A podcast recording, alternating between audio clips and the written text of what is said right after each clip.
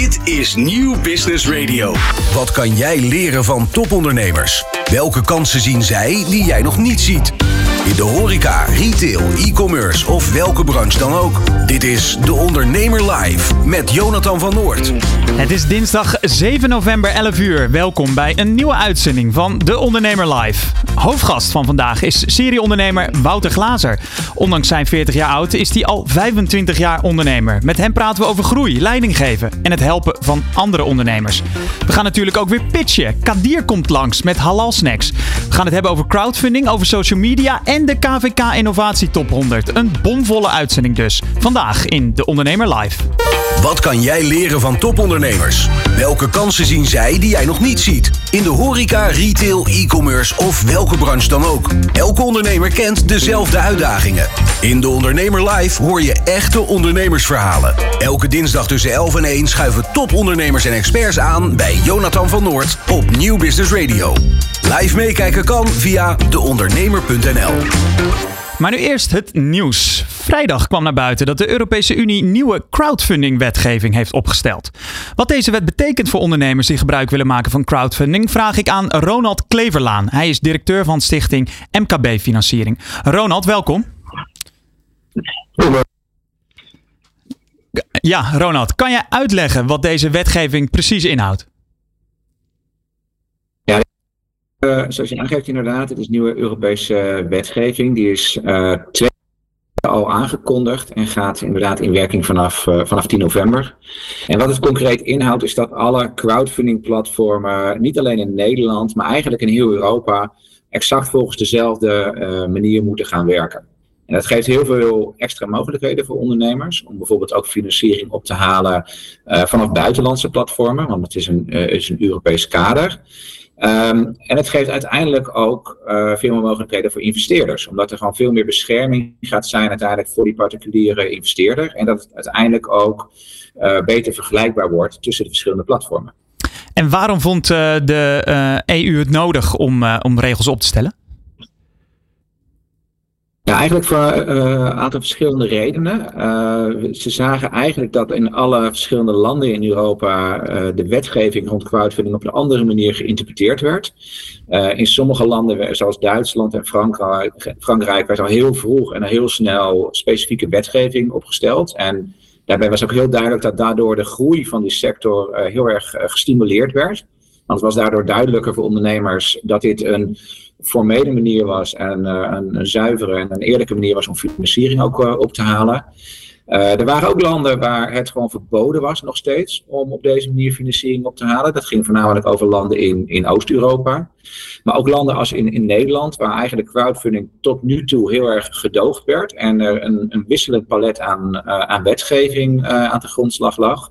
Ja, dat hielp de verdere groei en doorontwikkeling van de sector niet heel erg. Dus toen heeft Europa besloten om dit gelijk te trekken om één wetgevend kader te maken voor, voor heel Europa. Met als doel uiteindelijk om uh, in heel Europa de mogelijkheid te bieden voor ondernemers om uh, financiering via crowdfunding op te halen. Een duidelijk verhaal, uh, Ronald. Ehm, het lijkt wel dat, dat crowdfunding steeds populairder wordt. We hebben hier in de, in de uitzending ook regelmatig ondernemers die op die manier geld ophalen. wat betekent deze nieuwe wetgeving voor ondernemers die nu bijvoorbeeld een crowdfunding campagne hebben lopen? Ja, lopende campagnes uh, op, uh, zullen afgerond moeten worden voor, uh, voor 10 november. En alleen platformen die straks die nieuwe vergunning hebben, mogen na 10 november nog een nieuw project gaan, gaan lanceren en financiering ophalen. Dus je zult zien dat een, een deel van de crowdfunding platformen, en vaak zijn dat ook de platformen die de laatste jaar, laatste jaren al wat minder activiteiten zijn gaan, uh, gaan opstarten. Uh, die zullen gaan stoppen. Dus die zullen geen financieringen meer kunnen gaan ophalen voor uh, ondernemers. En de, de platformen die onder het nieuwe regime aan het werk zijn, de nieuwe wetgeving. En een groot deel van de platformen werkt al volgens die nieuwe regels. Want die nieuwe regels die zijn eigenlijk al ingegaan. En platformen mochten ook eerder al starten met het ophalen van financiering onder de nieuwe regels. Maar vanaf 10 november moeten in ieder geval alle platformen die overstap gemaakt hebben. En zal het inderdaad onder die nieuwe regels zijn dat er alleen financiering opgehaald mag worden. En wat betekent deze wetgeving concreet voor investeerders? Want je begon er net al, uh, net al even over hè, dat het beter beveiligd is. Wat kan je nog meer noemen? Nou, ten, eerste worden, kunnen er grotere projecten gefinancierd worden. In Nederland was de maximale financiering 2,5 miljoen. Dat wordt nu opgetrokken naar 5 miljoen euro uh, door heel Europa. Uh, daarnaast voor investeerders, zeker voor investeerders die heel vaak hiervan gebruik maakten, uh, kon je tot maximaal 80.000 euro investeren via, via elk platform. Die limiet gaat er nu af. Dus ook voor investeerders die dit echt als een beleggingsopportunity zitten, zien en hier in grotere bedragen in willen deelnemen, kunnen dat uiteindelijk ook doen. En wat het veel praktischer maakt uiteindelijk is dat er een, uh, een gestandardiseerd beleggingsinformatiedocument gaat komen. Waarbij op een gestandardiseerde manier de, de risico's uh, wordt, uh, wordt uitgelegd aan, um, aan, aan de investeerders eigenlijk. En ook, wat ook nog aan toegevoegd wordt, is dat er de mogelijkheid wordt om uiteindelijk ook je, je beleggingen of je investeringen uiteindelijk ook te verkopen. Dus te, te verhandelen. En wat houdt het in? Wel, ja, dat goede vraag. Het is dus niet zoals een beurs. Het is dus niet uh, zo, dat je elk moment uh, vraag en aanbod bij elkaar gebracht wordt. Maar er worden mogelijkheden geboden voor platformen om een marktplaats te openen. Uh, zie het als een prikbord waar je kan aangeven: ik heb een lening in bedrijf X, ik wil, daar, wil daarvan af. daar kunnen andere investeerders kunnen daarop inschrijven. Ja, en Ronald, ik zei het net al, hè, dat uh, in ieder geval in, uh, in de ondernemer live vaak uh, ondernemers langskomen die gebruik maken van crowdfunding. Is het een steeds populairder wordende manier van, van financieren? Ja, uh, eigenlijk wel. Uh, al, tien jaar zit hier een hele harde groei in deze, deze sector. Afgelopen jaar werd er voor bijna een miljard aan, aan financiering opgehaald door bedrijven via deze, deze manier van financieren. Dus je, je ziet dat het steeds populairder wordt. de laatste jaren is vastgoedfinancieren ook heel erg hard gegroeid via, via crowdfunding. En je ziet ook echt dat platformen die, die dit ook aanbieden, ook individueel hard aan het groeien zijn. Dus uh, je ziet ook dat die platformen ook al meer dan 100 miljoen per jaar aan het gaan, gaan verstrekken. En het is ook niet te verwachten dat deze groei zal afremmen. Dus ook de komende jaren is ook echt wel de verwachting, zeker ook met deze nieuwe wetgeving, dat die, die sector eigenlijk al nog verder door zou, zou gaan groeien. Ja, want bij een, een grote bank hoef je als kleine startende ondernemer eigenlijk niet meer aan te kloppen? Het is steeds lastiger. Kijk, banken hebben steeds meer beperkingen opgelegd gekregen. Dus zeker voor een starter en zeker als je wat uh, risicovolle uh, sectoren zit, zoals de horeca bijvoorbeeld, dan is het inderdaad relatief lastig om financiering op te halen. Je ziet dat banken, dat, dat crowdfunding vaak nog mogelijkheden biedt. Die kunnen ook inderdaad wat, wat jongere bedrijven ondersteunen. Vaak niet echt directe starters trouwens. Die, die kunnen toch ook een stuk lastiger ook financiering via crowdfunding ophalen. Maar je ziet wel dat uh, het in ieder geval weer iets toevoegt aan de mogelijkheden voor ondernemers. Uh, je bent niet meer alleen maar aangewezen op die bank. Je kunt ook iets met crowdfunding. Of nou ja, er zijn natuurlijk ook nog andere vormen van financiering die je als, uh, als ondernemer kunt, kunt aanspreken. Maar juist die combinatie van in een bepaalde levensfase crowdfunding inzetten, misschien ook om het in te zetten voor marketingdoeleinden en een deel van je financiering via banken ophalen dat zou je in de toekomst ook steeds vaker zien. Dus ook de samenwerking tussen traditionele financiers, zoals banken, maar ook uh, investeringsfondsen uh, en crowdfunding, dat zou ook veel gemakkelijker gaan worden met deze nieuwe wetgeving. Ronald, een vorm die, die nu ook populairder wordt, dat is sharefunding. Dat lijkt een beetje op crowdfunding, maar zit toch net iets anders in elkaar met het uitgeven van, van aandelen. Heeft deze nieuwe wetgeving ook invloed op deze financieringsvorm, op, op sharefunding? Ja, uiteindelijk heeft deze wetgeving invloed op alle vormen van, uh, van financiering waarbij er bemiddeld gaat worden. En dat bemiddelen is daar een heel belangrijk onderdeel van. Dus er moet een platform zijn die vraag en aanbod bij elkaar brengt. En of dat nou leningen zijn of, of equity, zoals in het geval van, uh, van sharefunding, uh, dat maakt niet uit. Dat gaat allemaal onder deze nieuwe vergunningsstelsel gaat dat, vallen. De enige uitzondering is als jij als ondernemer voor eigen risico zelf een lening of, of aandelen gaat, uh, gaat uitgeven. En er dus niet een bemiddelaar tussen zit. Dus niet via zo'n platform? Dan mag dat nog steeds Ja, dus niet via een platform. Maar als er ergens een platform een dienst aanbiedt, en dat kan zelfs zijn een individuele investeerder koppelen aan een individuele ondernemer, dan valt het allemaal onder, dit, uh, onder deze vergunning. Uh, en als we het nu hebben over uh, die platformen uh, met zo'n keurmerk, kan je er al een, een aantal noemen die, die voor onze kijkers en luisteraars bekend zijn met zo'n keurmerk? Ja, het, zijn, uh, het is eigenlijk al best wel een lijst. Uh, het zijn nog een stuk of veertien nu die in Nederland geregistreerd zijn. Dus dat is ook belangrijk om te, het, het, het, verschil daartussen te zien. Dus er zijn platformen die zichzelf in Nederland registreren en in Nederlands, uh, de Nederlandse markt willen benaderen. Dat zijn er nu een stuk of veertien. Maar er zijn ook een stuk of tien uit het buitenland die hebben aangegeven wij willen naar, naar Nederland komen. Er zijn er ook al een stuk of tien. En wat zou... nou, wat bekende... Oh ja, nee, maak maar af, Ronald. Ja, en wat, wat bekende platformen, denk ik ook voor de luisteraars. Platformen als Geld voor elkaar, Horeca Crowdfunding, NO Investeert, uh, One Planet Crowd, Duurzaam Investeren, Impact. Er zijn een aantal wat grotere platformen die in ieder geval al eh, de vergunning binnen hebben. En dat in ieder geval ook al gecommuniceerd hebben. Um, en ik verwacht de komende en letterlijk dagen nog wel dat er ook een, een, vijftal extra platformen bij gaan komen. Die dus nu de laatste loodjes bezig zijn met, met de AFM met, aan het afstemmen. We gaan het in de gaten houden. Dankjewel, Ronald Kleverlaan, sticht, directeur van Stichting MKB Financiering. Je luistert naar De Ondernemer Live. Elke dinsdag live van 11 tot 1 op Nieuw Business Radio. Op zijn veertiende begon Wouter Glazer zijn eerste bedrijf. Inmiddels zijn we vele ideeën en bedrijven in de reclame en de PR later. Vandaag de dag is hij met zijn bedrijf Go Delphi in te huren als orakel voor ondernemers met groeivraagstukken. Een bedrijfscoach? Misschien. Daar gaan we vandaag achter komen. Wouter, welkom.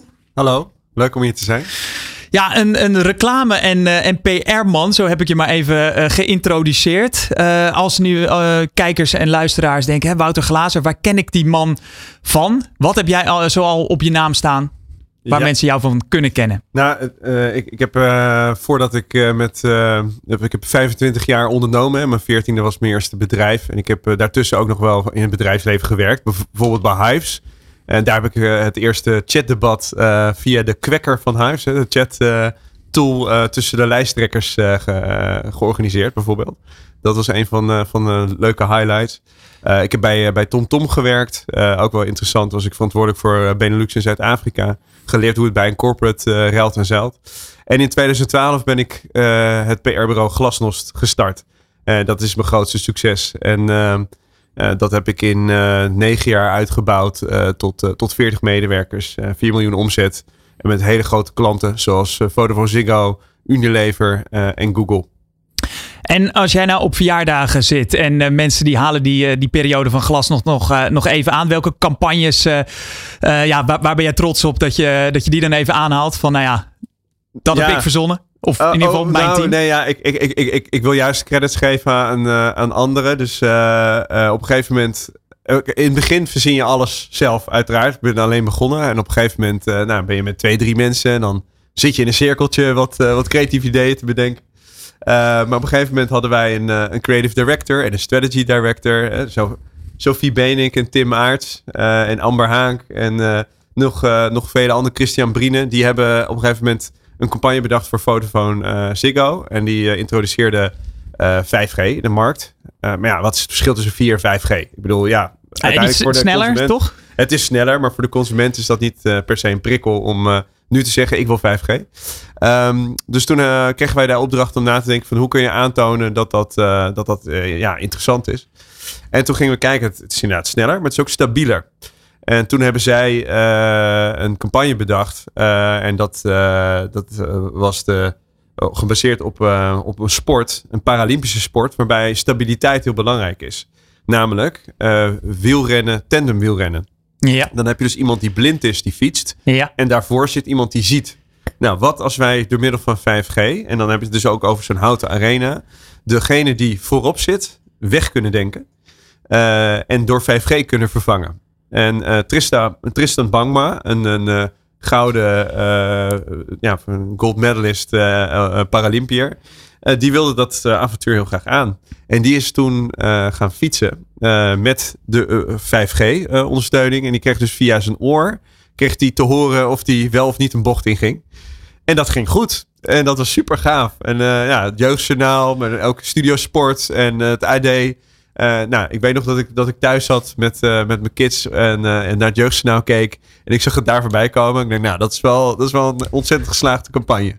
Ja, dat heeft wel echt jouw signatuur dan. Dat je in ieder geval met het team, dat is echt wel glasnost wat eruit kwam. D dit was echt een, een, een, een glasnost casus. En waar ik ook heel trots op was voor het team. Maar goed, Op een gegeven moment, dit, is, dit gaat al gelijk ook over hoe je jezelf als ondernemer ontwikkelt. In het begin ben je vooral heel trots op wat je, wat je zelf bedenkt en wat je zelf neerzet.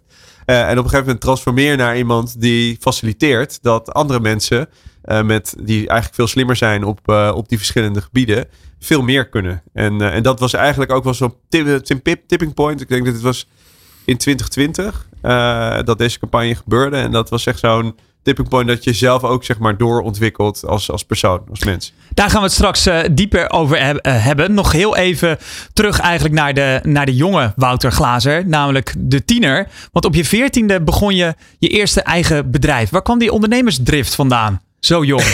Ik was nog aan het voetballen en jij ging een ja, bedrijf beginnen. Ik weet het ook niet. Ik weet wel, zeg maar, mijn, mijn moeder was altijd wel heel, uh, ja, heel slim met, met de verkoop van tweedehands kleding en op, op de vrijmarkt. Ik weet nog dat de eerste herinnering aan ondernemerschap heb ik toen ik zes was.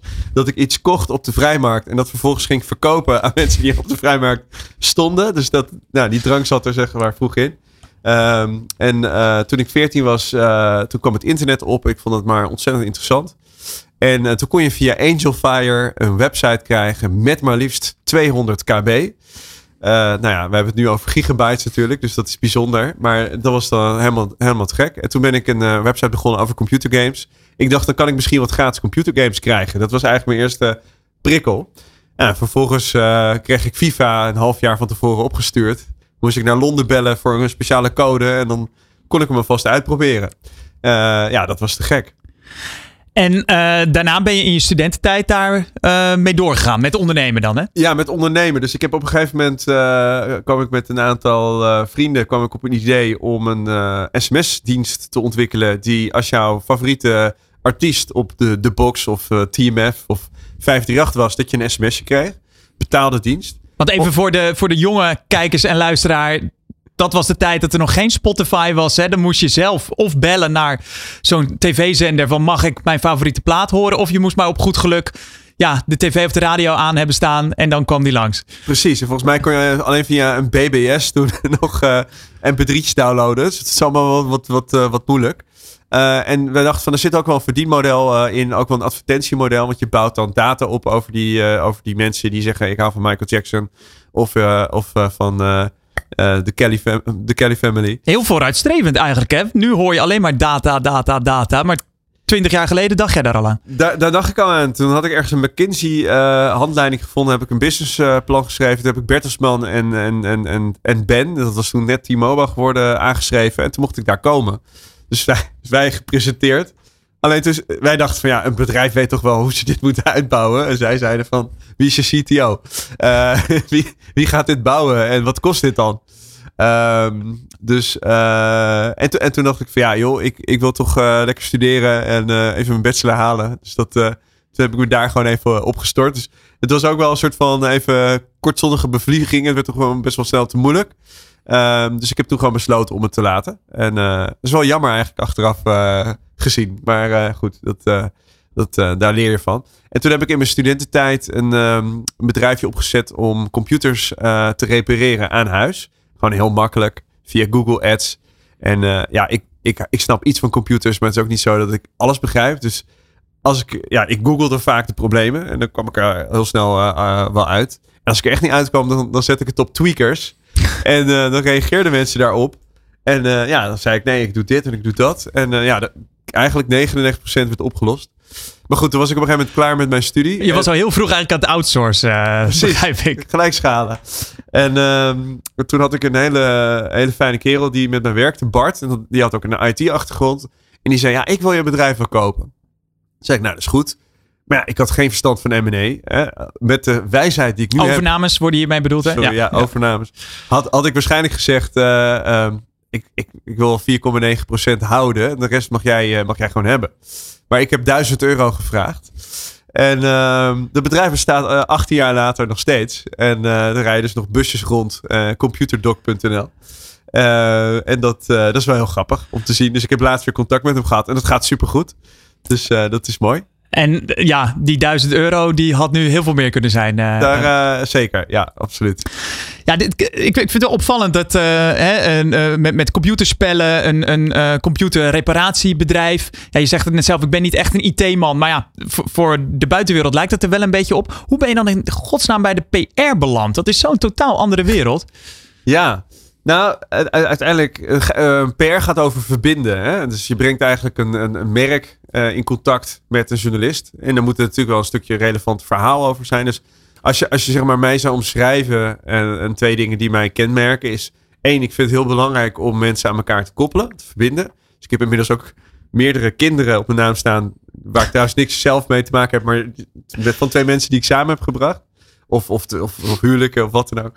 Um, en het tweede uh, onderdeel is dat je, uh, dat je een verhaal maakt. Of dat je iemand leert om het verhaal gewoon op een, op een goede manier te vertellen. Uh, dus dat zijn echt gewoon twee passies van me die je ook terugvindt in mijn, in mijn privé. Ik bedoel, dat zit gewoon in me als, als mensen. In de GD's hebben ze daar een heel mooi woord voor. Maven. dat ben ik echt. Dus als er bepaalde informatie is die ik heb, die kan ik ook niet voor me houden. En die wil ik ook graag met andere mensen delen om hun ja, sneller te laten groeien of, uh, of om uh, ja, hun op ideeën te brengen. Dus dat zit heel erg uh, dicht op gewoon, ja, wie ik ben. En ik leerde natuurlijk door die computergames op te sturen, leerde ik PR-afdelingen kennen. Dus op een gegeven moment liep ik als 15-jarige jongen naar een, een persconferentie van Intel, hè, dat is een processorfabrikant. Die had een hele luxe bus in Rotterdam en die zouden naar, naar België rijden. En ik kwam daar aan met een vriendje van 15.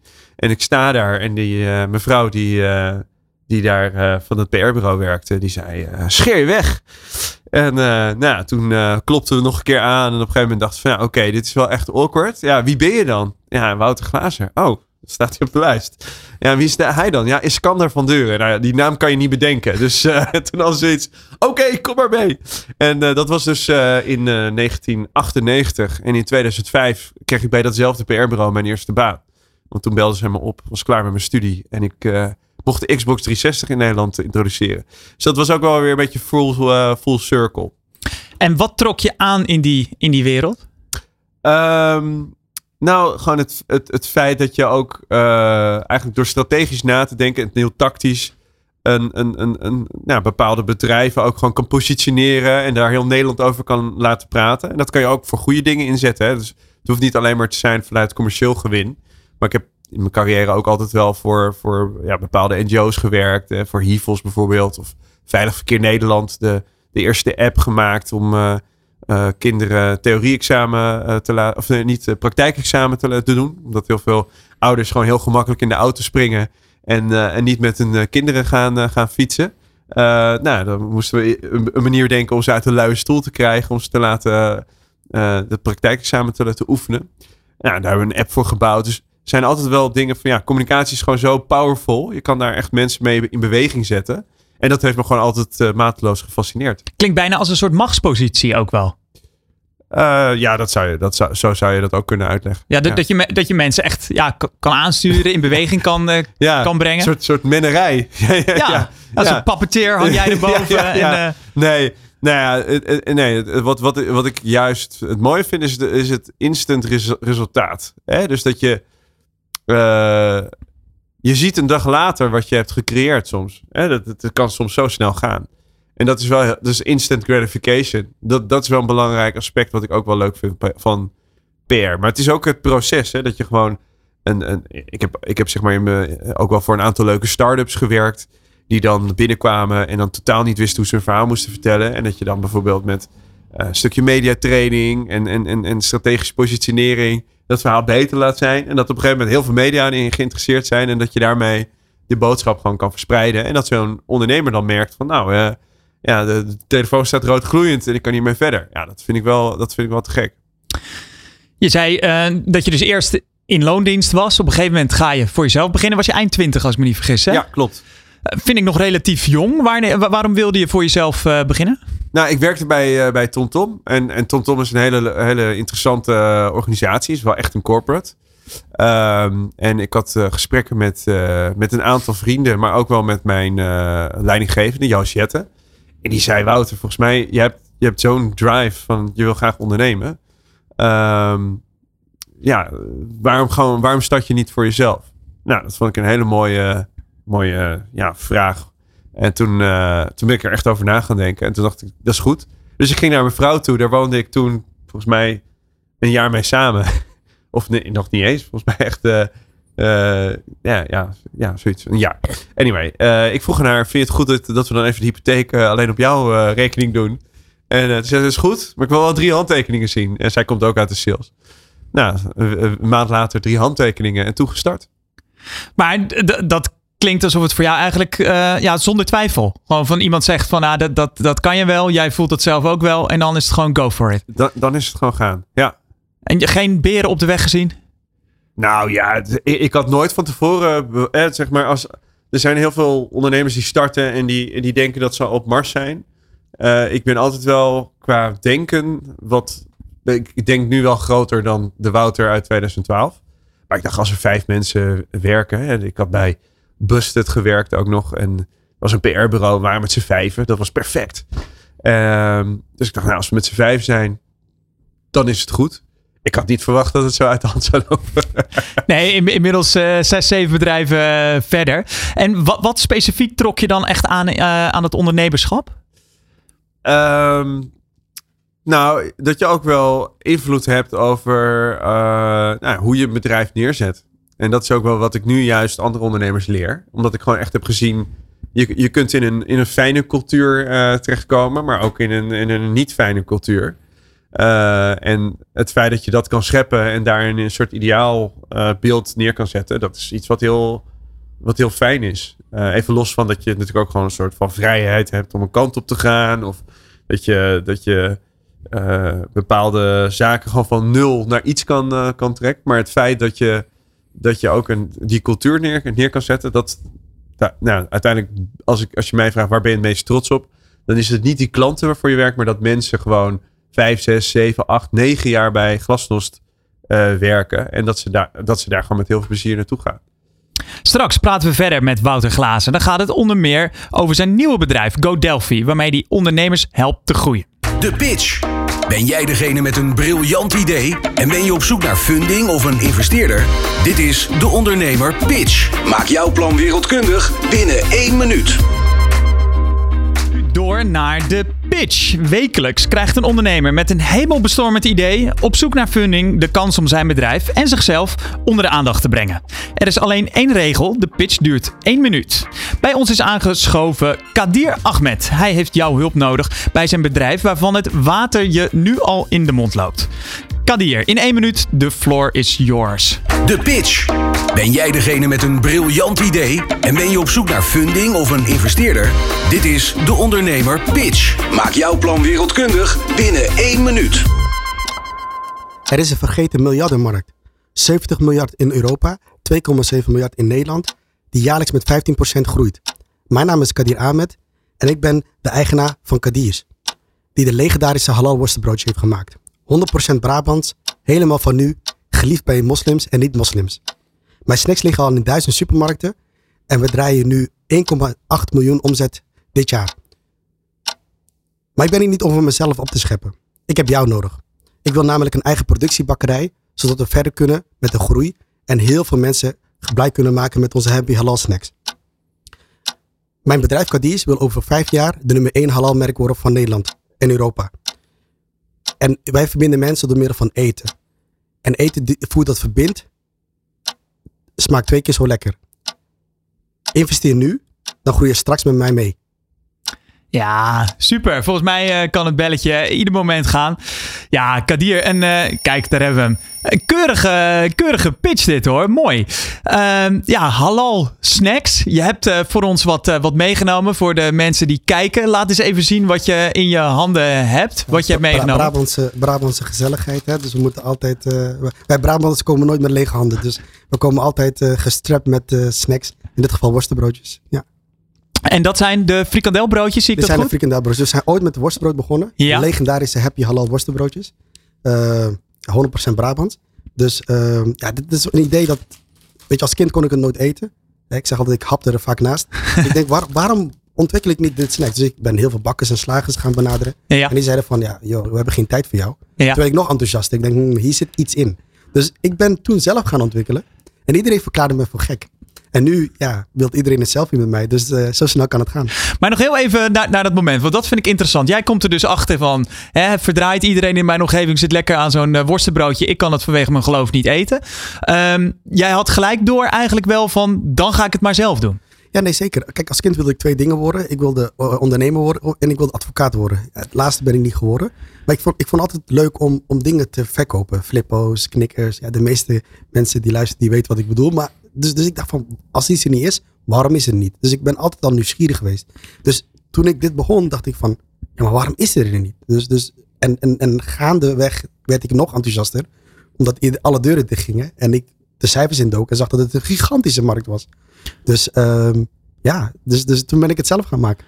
Ja, want daarover gesproken. Je noemde in je, in je pitch al een, een paar cijfers. Uh, 2,7 miljard hoorde ja, ik dat. Dus de totale goed? ethnic food. Hè. Volgens de Rabobank is de totale markt voor de halal uh, foodmarkt is 2,7 miljard. In Nederland? In Nederland, ja. In, wow. retail wordt er nu ongeveer 40, 50 miljoen euro omgezet.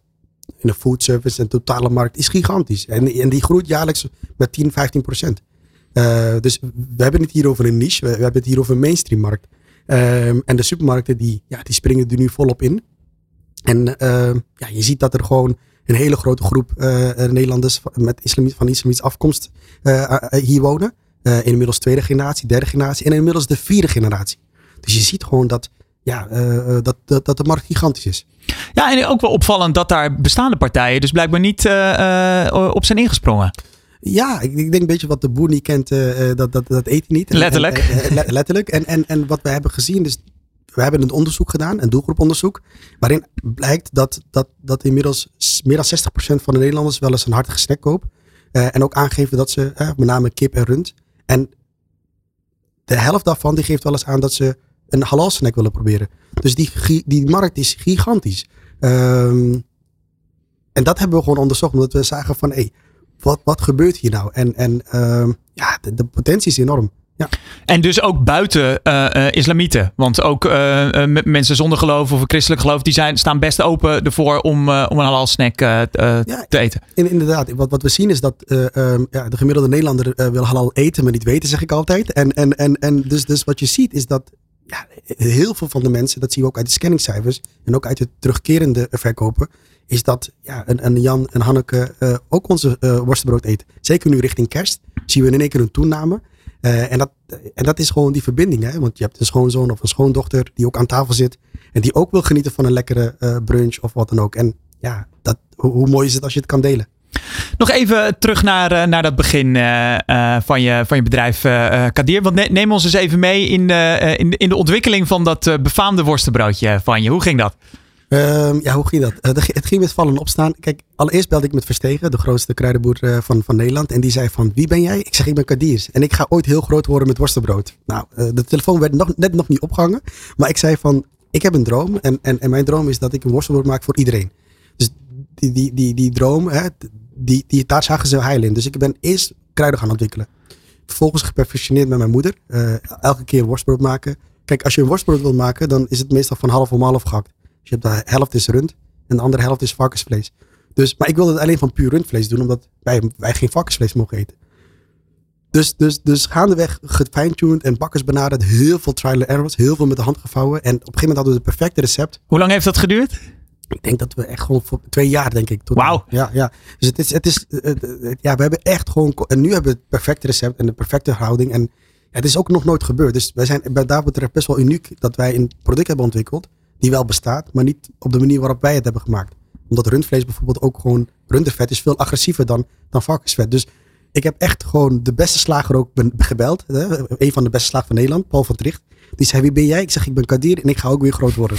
Dus die dacht ook van, um, oké, dus legde hem uit en smeren. Een heel technisch verhaal. Uiteindelijk zei hij van, ik heb een boek, Charcuterie 2. Die kun je kopen via bol.com. Kost 300 euro. Uh, maar als ik langskom, dan kost het 800 euro voor een, voor een halve dag.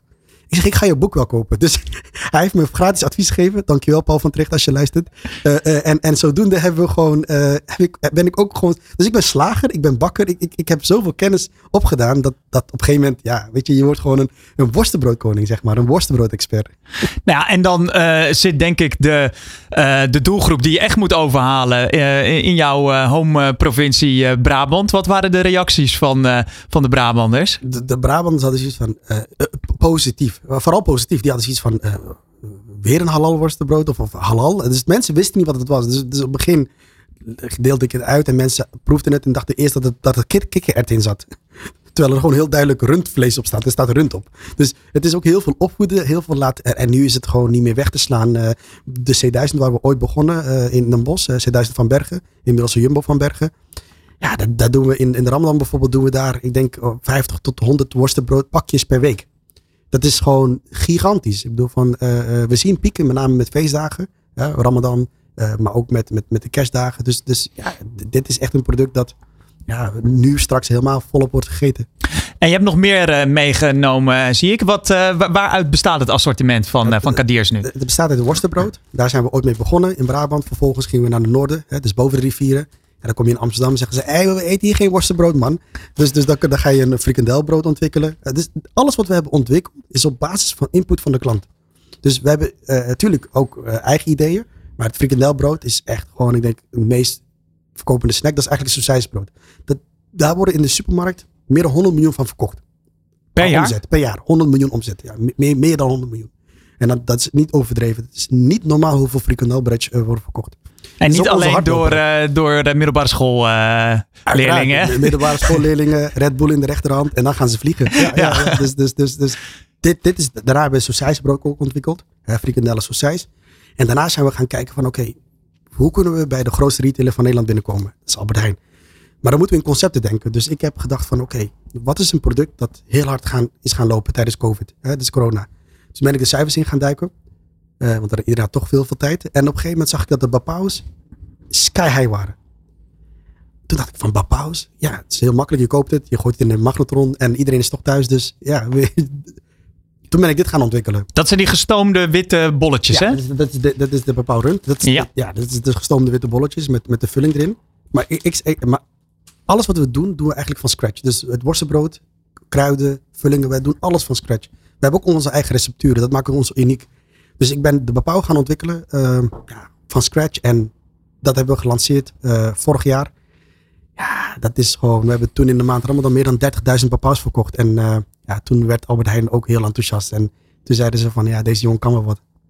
En uh, ik, ik, heb hier ook op mijn vragenlijstje staan, namelijk. Het, is volgens mij hartstikke moeilijk om bij al die grote supermarkten binnen te komen. Je geeft net al een klein beetje hoe je, dat, hoe je dat hebt aangepakt. Maar wat is jouw geheim dat je nu bij, wat zei je, duizend supermarkten ligt? Ja, meer dan duizend supermarkten inmiddels. Um, ja, geheim, er is geen geheim. Het is gewoon. Um, ik zeg altijd de aanhouden wint. Dus je moet heel veel, uh, ja, heel veel kloppen, heel veel uh, pitchen, heel veel langsgaan, heel veel sampling. En heel veel bellen dat jij de beste worstenbroodjes maken bent. En, en, maar je moet ook net het geluk hebben dat je juist de persoon hebt. Hè? Het is ook een stukje gunnen. Juiste timing.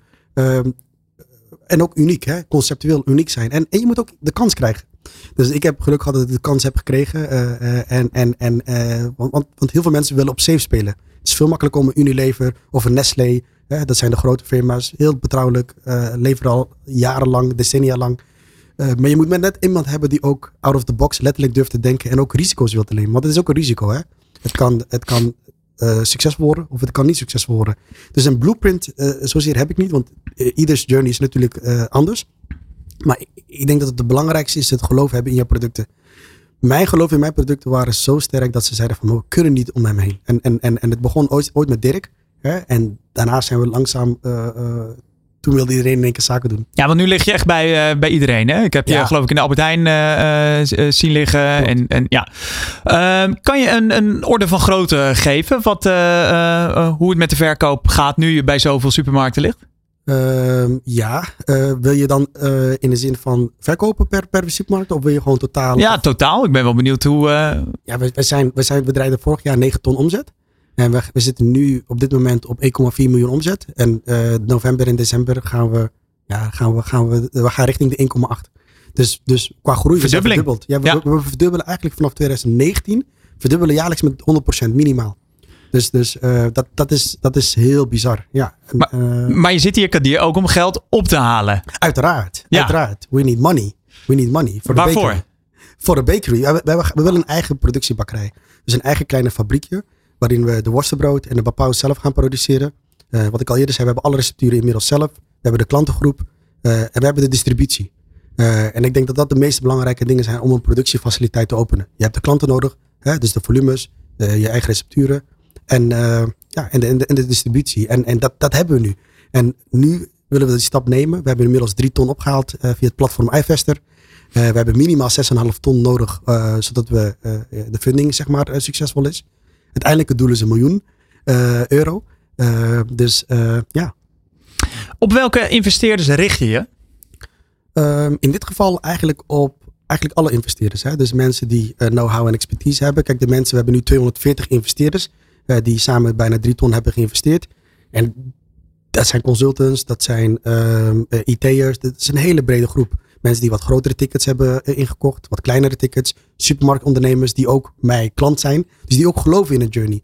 dus de investeerders waar we op zoek zijn, naar zijn, zijn investeerders die ook geloven in het merk. En met name geloven op de lange termijn. En investeren voor de lange termijn. Kadir, waar ik toch, uh, uh, als ik dan een, een kritische noot moet plaatsen, ben je niet bang dat er een grote partij die je net al eventjes noemde, denkt: aha, dit kunnen wij ook en dan beter. En dat je uit de markt wordt, wordt geconcurreerd? Nee, dat, dat, dat, dat, dat juich ik juist toe. Want ik, ik, ik, het doel is eigenlijk om halal mainstream te maken. En dat, of wij dat doen of andere merken dat doen. Ja, ik zeg altijd, hoe meer zielen, hoe meer vreugde. En wij geloven heel erg in onze merk. En, en, en, ik denk dat we best wel een sterk merk aan het bouwen zijn. Uh, uh, um, er zit nog heel veel potentie in. Dus ik jaag het alleen maar toe. En die geheime, uh, dat geheime kruidenrecept, daar moeten ze eerst dan ook nog maar achter zien te komen. Wat dat en, en, ook, en ook mijn mooie, mooie, mooie gezicht, weet je. Die, die, die, die is niet kopieerbaar. Er is één Kadir, weet je. Dus, dus ja. Kadir, hoe kunnen geïnteresseerden die denken, daar wil ik instappen, hoe kunnen ze zich melden? Ze kunnen zich melden op het platform iVester. Ehm, daar is onze campagne actief. Ehm, en dan kun je al investeren vanaf 250 euro. Uh, is het minimale bedrag. Ehm, ja, nogmaals, we komen 3,5 ton uh, hebben we nodig om de funding succesvol te laten zijn. we hebben 6,5 ton nodig om het bedrag op, te halen. Het uiteindelijke doel is een miljoen.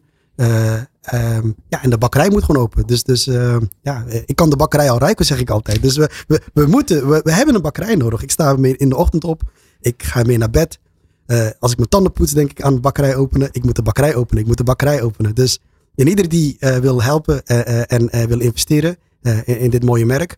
Ehm, ja, we willen binnen vijf jaar de nummer 1 halal merk worden in Europa. Ehm, we groeien jaarlijks met 100%. Ehm, nogmaals, we hebben een bewezen track record. Er zit nog heel veel potentie in, in andere categorieën. we zijn nu ook bezig met diepvries, Albert Heijn en andere supermarkten. Ja, kortom, wij, we zijn er voor iedereen. Dus investeer nu. En ja. word mede-eigenaar van Kadir. Kadir, je hebt je, je, hebt je sales pitch uh, goed gedaan. Investeerders kunnen zich dus, uh, zoals je net hoorde, melden via de website van sharefunding platform iVester. Wil jij hier nou volgende week zitten? Geef je dan op via deondernemer.nl slash pitch. Leren van topondernemers. Kansen zien waar anderen overheen kijken. Dit is De Ondernemer Live. We praten nog steeds met serieondernemer Wouter Glazer. Hij werd groot in de PR en reclame en richt zich nu met zijn bedrijf GoDelphi op het helpen van ondernemers bij groei. Maar eerst nog even over jouw tijd als, uh, als reclameman, uh, Wouter. Je was uh, eind 20 toen je PR-bureau Glasnos oprichtte. Het bedrijf dat je in acht jaar tijd liet uitgroeien met een startkapitaal trouwens van 1 euro naar 1 miljoen euro winst. Had je zo'n zo'n doel voor ogen toen je begon? Nee. Nee, nee. Dus ik dacht van als het vijf, uh, vijf mensen zijn, dan is het eigenlijk al goed. Uh, dan is het lekker beheersbaar en controleerbaar. En ja, er is, er, er is een ondernemer. Ja, als je start, dan heb je een andere energie dan uiteindelijk. En uh, als je een bedrijf van nou, bij 20, 25 begint het dan wel te wringen. Dan moet je jezelf opnieuw gaan uitvinden. en dan moet je mensen aannemen die beter zijn dan jij in bepaalde disciplines. Want dan kan je het niet meer allemaal zelf. Nee, nee. En dan, dan als je het alleen maar zelf doet, dan gaat je bedrijf ook nooit groeien. Um, dus toen ben ik in, uh, uh, in contact gekomen um, met uh, Go Fast Forward. En eh, toen heb ik eigenlijk allerlei ja, sc scaling principes geleerd. Bijvoorbeeld de scaling up routines van Fern Harnish. Waar we het straks over gaan hebben trouwens, in het volgende blok. Oké, prima. Ja. Maar in ieder geval vanuit, vanuit daar heb ik zeg maar ja, mezelf opnieuw uitgevonden in wat voor rol je inneemt in je eigen organisatie. Nog heel even terug op die, uh, op, op die begintijd. Want je uh, stond als, ja, op, op een relatief jonge leeftijd aan het roer van, van een bedrijf met, met, met grote teams. Je had grote klanten, hè, wat je net al zei, Vodafone. Ik zag Ben Jerry's voorbij, voorbij komen. Vond je, dat, vond je dat lastig? Ja, zeker. In alle, allerlei fases waar je in komt. Van elke groeifase. Van 1 naar 2 is bijvoorbeeld al een hele, hele spannende. Zoals? Waarom? Nou ja, van wie is je nummer twee? Is dat een, is dat een, uh, een persoon die uh, lijkt op jou of niet? En, uh, Waar koos jij voor? nee, ik, ik, ik koos in, in iemand die gewoon klanten kon draaien. En, en dat is een goede keuze. maar ik, ik heb ook toen contact gehad met mensen die gelijk 50% van je bedrijf wilden. Terwijl je, terwijl je zelf al heel veel had opgebouwd. Hè? Dus ik was... Ik ben in juni 2012 begonnen. En in december 2012 had ik 120.000 euro omzet gedraaid zonder enig, ja, al te veel kosten. Dus ik werkte van 8 tot 10. Nou, dat was niet echt een fijne, houdbare situatie. Um, dus toen moest er iemand komen. En toen met meerdere mensen gesprekken gehad. En uiteindelijk uh, de tweede of derde keuze is het geworden. En dat was iemand die gewoon heel goed accounts kon draaien. Die heeft uiteindelijk ook vier jaar bij, uh, bij gewerkt. Op een gegeven moment sta je dan ook voor de groep, hè? Want je, uh, je, je, hebt enkele tientallen uh, medewerkers in dienst. Hoe ging je dat af? Ik vond het eerst, eerst heel moeilijk. Ja, omdat je nog half ook in projecten zit. En ja, wat ga je dan vertellen? Hè? Het is niet dat ik... Ja, bij Hives heb ik trouwens al best wel wat meer geleerd, hè, van Mark de Vries. Die is nu, even kijken, Easy Park Swapfiets, CEO Swapfiets. Nou, die had al ook wel die principes. En ook van hoe neem je een team mee. Hè? Dus we hadden bijvoorbeeld bij Hives één keer per maand een, een soort van uh, ja, een, een, company update. Waar je dan over strategie gaat vertellen. Um, ja, in het begin vond ik dat best wel lastig. Ik heb heel veel gehad aan, uh, aan Henk Boersen. En Henk Boersen was nummer drie. en dat was ook iemand die, ja, ook, die trouwens wel qua karakter enorm van mij verschilt. maar ja, ook wel qua, qua inhoud veel heeft toegevoegd, ook op dat vlak. Maar wat, wat, wat vond je er dan lastig aan? Aan dat, uh, ja, dat communiceren naar, uh, naar je medewerker? Ja, wat moet, je, wat moet je nou precies vertellen en in welk ritme en in dat soort dingen? Uiteindelijk, ja, ik lijk heel gestructureerd, maar van binnen ben ik ontzettend creatief. En dus ik heb heel veel dingen aangeleerd. Hè? En ik denk dat de meeste ondernemers die zijn heel creatief, die zien overal kansen en ideeën. En als je niet oppast, dan laat je je continu meestromen. Of mee, ja, meegaan met de stroom. Dat je dat je bepaalde ideeën gaat najagen en daarmee geen focus hebt op de core van je, van je bedrijf. Dat is ook waar veel bedrijven uh, soms uh, aan ten onder gaan, omdat ze bijvoorbeeld te laat een bepaalde innovatie uh, ja, niet, niet zien. Bijvoorbeeld V&D of een Kodak. Of er zijn er wel een aantal bedrijven, qua voorbeeld, dat ze, dat ze eigenlijk geen gewoon goede controle over hebben van wat is nou ons succes en, en hoe gaan we mee met de markt die enorm verandert. Door gewoon continu hetzelfde te blijven doen. Het is bijna nu een soort van uh, spreekwoord van uh, als je de V&D van iets wordt, dat je dan, uh, dat je dan moet oppassen. Zijn er momenten geweest dat jij bijna de V&D werd? Dit is even een bruggetje naar de, de, de fouten die je in die tijd Zeker, hebt gemaakt. absoluut. en dat, dat, dat, dat zat hem dan wat meer in dat ik alleen maar wilde de, de, de diensten naast wilde zetten. Dus ik op een gegeven moment het idee van nou, de influencer-wereld, dat wordt wel wat. Ja. Dus dat spot ik al in 2017. Nou, goed gezien. Goed gezien, zeker. Dus je zou denken, schot voor bedoel, je zit bij allemaal klanten binnen. Alleen de inschattingsfout die ik heb gemaakt, en daar heb je, daar heb je in de, in de businessstrategie het Ansoff-model in, in, in, in voor. Hè, dat op het moment dat jij een bestaande business met bestaande producten uh, gaat, uh, of bestaande klanten met bestaande producten gaat bestoken, dan is het eigenlijk heel relatief makkelijk, weinig risico. Uh, alleen uh, de mensen die influencer marketing inkopen bij bedrijven, dat waren mensen die op de mediabureau afdeling zaten en niet op de marketing of PR afdeling waar wij mee schakelen. Sterker nog, misschien bij, binnen corporate waren dat wel enigszins concurrenten. Hè? Ik wil graag dit budget en jij wil graag dat budget. Dus ik dacht, nou, uh, het is heel makkelijk om daar binnen te komen. Maar ja, het was alsof we op, op, uh, in hoofdstuk 0 begonnen. We moesten gewoon compleet opnieuw beginnen. Al die contacten moest je eigenlijk opnieuw. Uh, Precies. Dus ik dacht, het is een nieuw product in een, aan een bestaande klant. Nee, het is een nieuw product aan een, aan een nieuwe klant. Nou, als je dan het antwoordmodel en de qua complexiteit ernaast legt, dan gaat het duizelen. Want dan weet je, ja, dat is eigenlijk onwijs risico om die kant uh, op te gaan. Nou goed, toen hadden we ook corona. En toen hebben we besloten om Jori na negen maanden te begraven. Zo heette het bedrijf. Ja, ja, Yuri Gagarin, de eerste man in de ruimte. Dus het had wel zeg maar een thematiek. Maar, maar ik denk dat een maand uh, voordat Yuri werd opgericht, hebben we Fitzgerald opgericht. En dat was een uh, agency wat trouwens nog steeds bestaat. En dat is wel goed afgelopen.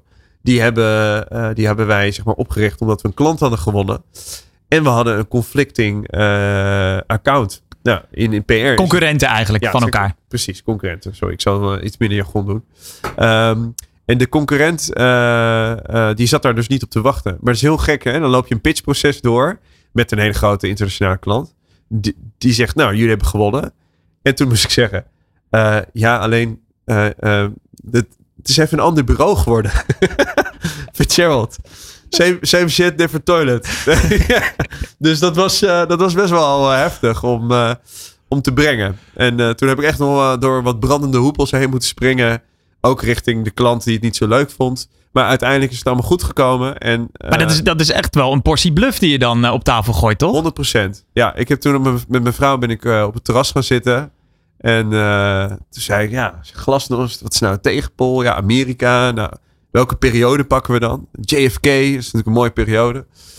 Fitzgerald kwam er zo uit, uitgerold. Toen dacht ik, nou, dat is wel weer een mooie thematische wereld die zich ontsluit. Dus toen zijn we daar. De middelneem van John F. Kennedy, hè? De middelneem van John F. Kennedy. En ook uh, moet je denken aan de eerste kleurenfoto's. En dus je had heel erg zwart-wit uh, fotografie. En toen kwam net de eerste kleurenfoto. Dat is ook een bepaald soort gevoel wat je dan overbrengt.